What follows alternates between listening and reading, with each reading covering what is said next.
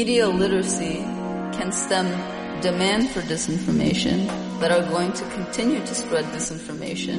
to benefit their you know, personal, political, financial agenda. Ողջույն։ Մենք սկսում ենք ապատեղեկատվության, ազատության եւ լիբերալիզմի մասին մեր ոդքասթերի հերթական էպիզոդը։ Ձեզ հետ Արեն Մելիքյանն է։ Այսօր ապատեղեկատվության, փաստերի ստուգման եւ Հայաստանի արչեւ այս դաշտում ծառացած խնդիրների մասին ենք խոսելու։ Զրուցակիցս Ատլանտյան խորհրդի DFR Lab-ի խմբագիր Զարինե Խարեզյանն է։ Ողջույն Զարինե։ Ողջույն։ Սկսենք նրանից, թե ինչ է DFR Lab-ը եւ ինչով եք զբաղվում դուք։ Իհարկե, DFR Lab-ը Ատլանտյան խորհրդի կենտրոն է, որը ուսումնասիրում է ապատեղեկատվություն ու դրան հակազդելու ձևերը։ Մենք ունենք ուսումնասիրողների ցանց աշխարհով մենք ու իրանք ուսումնասիրում են տեղական մեդիա միջավայրը ու գործընկերություն են զարգացնում տեղական կազմակերպությունների հետ։ Այս ամենի նպատակն է հանրության թվային կենսունակության զարգացումը։ Խոսելով ապատեղեկատվության մասին, բառը շատ շահարկվող է ցավոք ու բավականին հաճախ ենք ստիպված լսել, պիտի խնդրեմ մեր ունկնդիրների համար սահմանենք հենց ապատեղեկատվություն բառը։ Ապատեղեկատվությունը կեղծ կամ ապակողմնորոշող տեղեկատվության դիտավորյալ տարածումն է։ Սա պետք է տարբերել ճուր տեղեկատվությունից, որը կես կամ ապակողմնորոշող տեղեկատվության տարածումն է առանց դիտավորության։ Այս տարբերությունը կարևոր է հասկանալ, քանի որ դրանցից յուրաքանչյուրի հակազդելու միջոցները տարբեր են։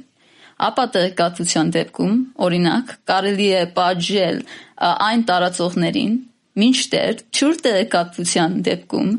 դրա հետևանքով կարող են պատժվել մարդիկ, որոնք պարզապես առանց դիտավորության վերատեղադրել են այն։ Պատժիչ մեխանիզմներն էլ, որոնց մասին ասում եք Զարինե, հավանաբար ԱՄՆ օրինակով էին, քանի որ մեզ մոտ դեռ հստակ գործող մեխանիզմներ չկան։ ԱՄՆ-ում օրենքն ինչպես է պատժում ապա տեղեկատվությունն ու ինչ մեխանիզմներ են գործում ողջելու արդյոք տեղեկատվությունը համապատասխանում է իրականությանը եւ ինչպես են պատժվում կեղծ լուրեր տարածող մարդիկ։ ԱՄՆ շատ այլ երկրների պես միատեսակ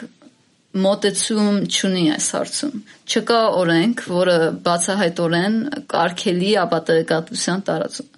Իսկ եթե նման օրենք առաջարկվի, այն դեմ կառնի ԱՄՆ սահմանադրության խոսքի ազատության դրույթներին։ Սակայն ԱՄՆ-ում կան մի շարք պետական մարմիններ, որոնք պատասխանատու են մեր տեղեկատվական միջավայրի ամբողջականության համար։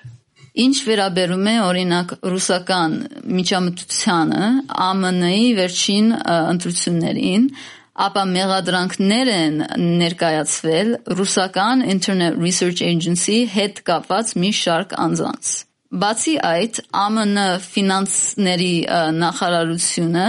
նաև պատժամիջոցներ է կիրառել ռուսական, ինչպես նաև իրանական պետական աջակցություն ունեցող մի շարք կիբեր դերակատարների դեմ։ Հայաստանում այս պահին ապատեղեկատվությանը հակազդելու լավագույն տարբերակը պարզապես այն հայտնաբերելուց հետո դրա մասին բարձրաձայնելն է եւ այս պահին մասնագիտացված մի շարք փաստերի ստուգման պլատֆորմներ են աշխատում Հայաստանում, որոնք զբաղվում են կեղծ լուրերի, ապատեղեկատվությունների հայտնաբերմամբ։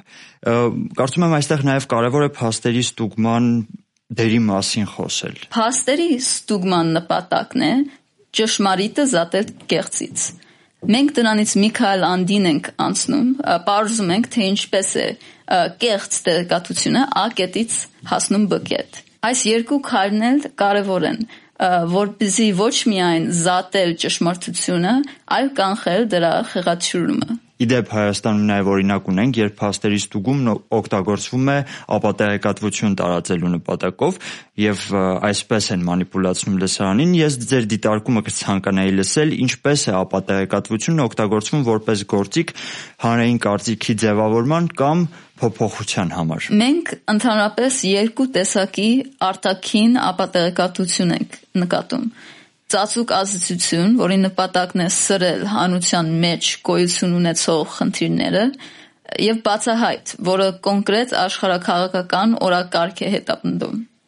Առաջինի օրինակն է, ասենք, secondary infection-ը, ռուսական հետախուզության կասկածյալ գործողություն, որը Դիաֆալավը սկսել է ուսումնասիրել 2019-ից։ Այս գործողությունը սոցիալական հարթակներում թիրախավորում էր արևմուտքի շահերն ու միասնականությունը, օգտագործելով կեղծ հաշիվներ ու կեղծված փաստաթղթեր։ Գործողության տեսադաշտում տասնյակ երկրներ էին եղել, ներառյալ Հայաստանը։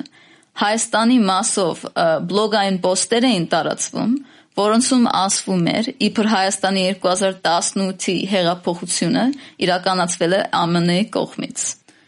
Ապա տեղեկատվությունը կարող է նաև օգտագործվել ուժի պրոյեկտման համար։ Հայ-ադրբեջանական սահմանի վերջին բախումների օրերին մենք տեսանք, թե ինչպես էին ադրբեջանամետ օկտատերերի արցանց բրիգադները զուգահեռ արցանց պատերազմ վարում Twitter-ում մի շարք ադրբեջանամետ ու հակահայ հաշթագների միջոցով։ Ռուսական հետախուզության կողմից ապատեղեկատվության տարածման մասին խոսեցիք, Իսկ հիմնականում ինչ գաղափարներ են տարածում նրանք։ Մամուլը հաճախ Ռուսաստանին ներկայացնում է իբրև մոնոլիթ, միասնական դերակատար։ Իրականում ռուսական տեղեկատվական գործողությունները խիստ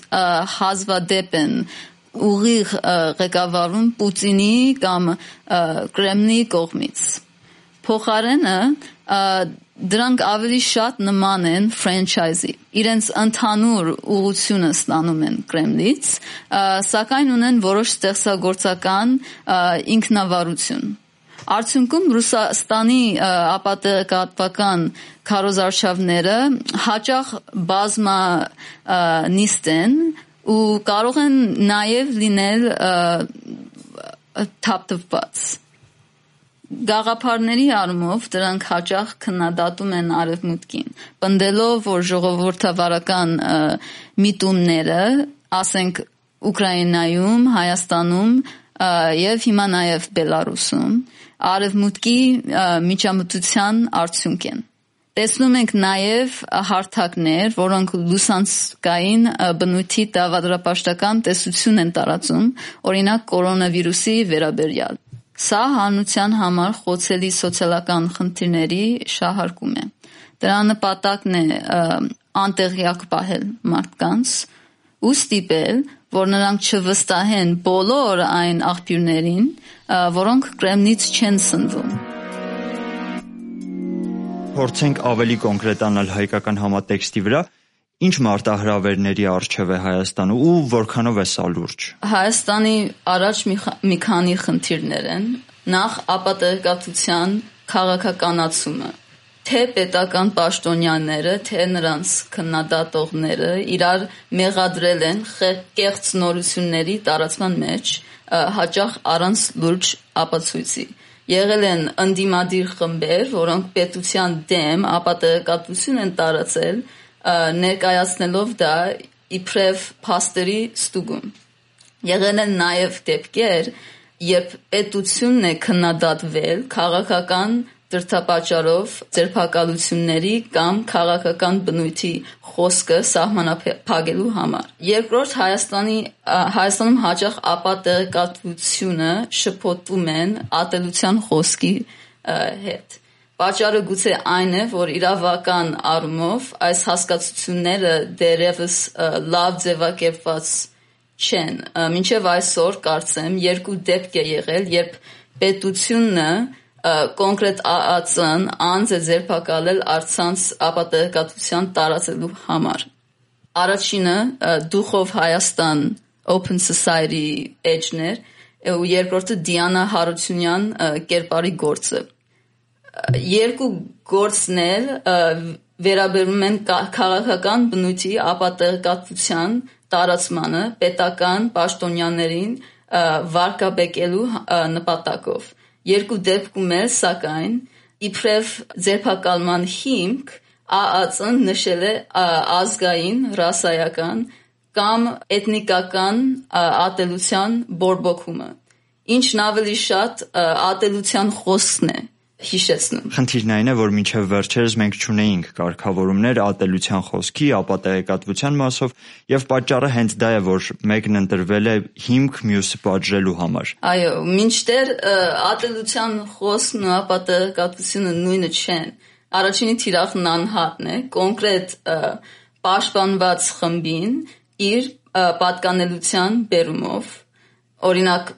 սերական ինքնություն, ռասայական կամ ազգային ցակում։ Երկրորդի դեպքում, սակայն, պարտադիր չէ, որ թիրախն անհատ լինի։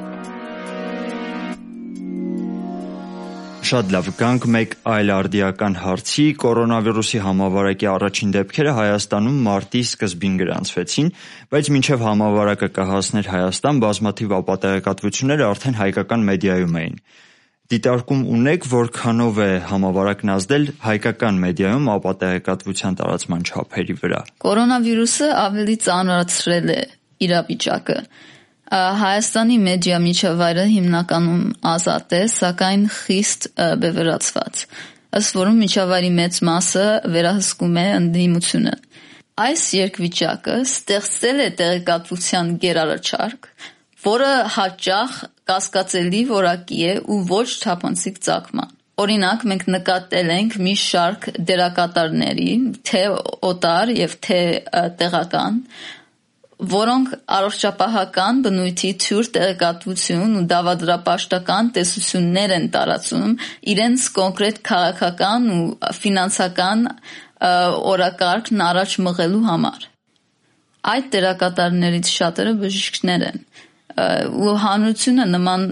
մարդկանց հավատում է, որովհետև նրանք բժիշկ են, իսկ դա նրանց թույլ է տալիս հավատարիմ հետևորդների բազմություն հավաքել։ Զարին, իսկ որոնք են համավարակի վերաբերյալ տարածվող հապատեղեկատվությունների հիմնական թեզերը։ Հետաքրքիր է այն, որ թեև կորոնավիրուսը նոր վարակ է,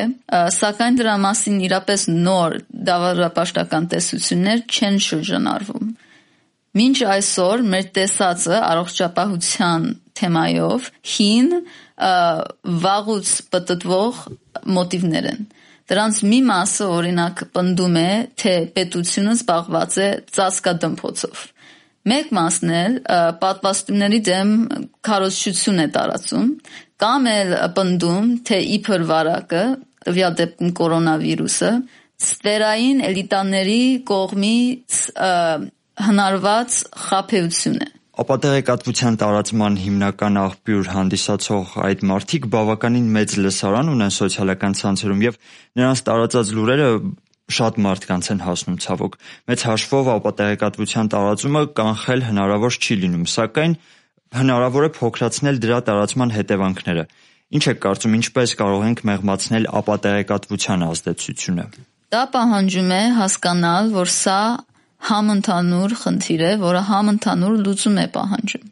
Նախ անհրաժեշտ է, որ թե պետությունը, թե հանրությունը եւ թե արցանց հարթակները դրան լիարժեքորեն արձագանքեն։ Սա նշանակում է ունենալ տեղեկատվության փոխանակման մեխանիզմներ այս երեք սեկտորի միջև, ինչը թույլ կտա թե սպառնալիքի համատեղ գնահատում կատարել եւ թե մշակել վնասի մեղման ընդհանուր լուծումներ։ Այս լուծումները պետք է ներառեն ապատեկատվության երկու կողմներ։ Առաջարկի, այսինքն ովքեր են արցանց ապատեկատվության հիմնական տարածողները, ինչ շարժարիտներ ունեն նրանք եւ ինչպես կարելի է նրանց կանգնեցնել։ Ու պահանջարկի, այսինքն ինչու են մարդիկ ապատեկատվություն փնտրում ու հավատում դրան։ Հաճախ առաջարկվող լուծումներից մեկը տեղեկատվական գրագիտության զարգացումն է։ Դա իհարկե կարևոր է, սակայն չի լուծում տեղեկատվական միջավայրի խոցելիության խնդիրը, ինչը շարունակվելու է շահագործվել։ Ոստի գրագետությունից զատ պետք է որ պետությունը զբաղվի նաև օրինաստեղծ աշխատանքով, իսկ արցանց հարթակները ապահովեն ավելի մեծ թափանցիկություն։ Շատ շնորհակալ եմ Զարինե։ Այս էպիզոդում զրուցեցինք DFR Lab-ի խմբագիր Զարինե Խարազյանի հետ։ Շատ շնորհակալ եմ կարևոր ու հետաքրքիր զրույցի համար։ Շնորհակալություն։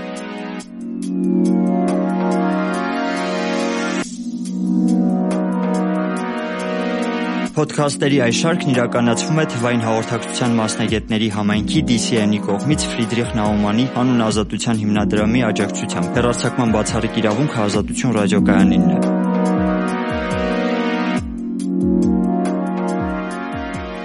Զրույցի ընթացքում հնչած կարծիքները բացառապես զրուցակիցներինն են եւ կարող են չհամընկնել նախագծի կազմակերպիչների կարծիքների հետ։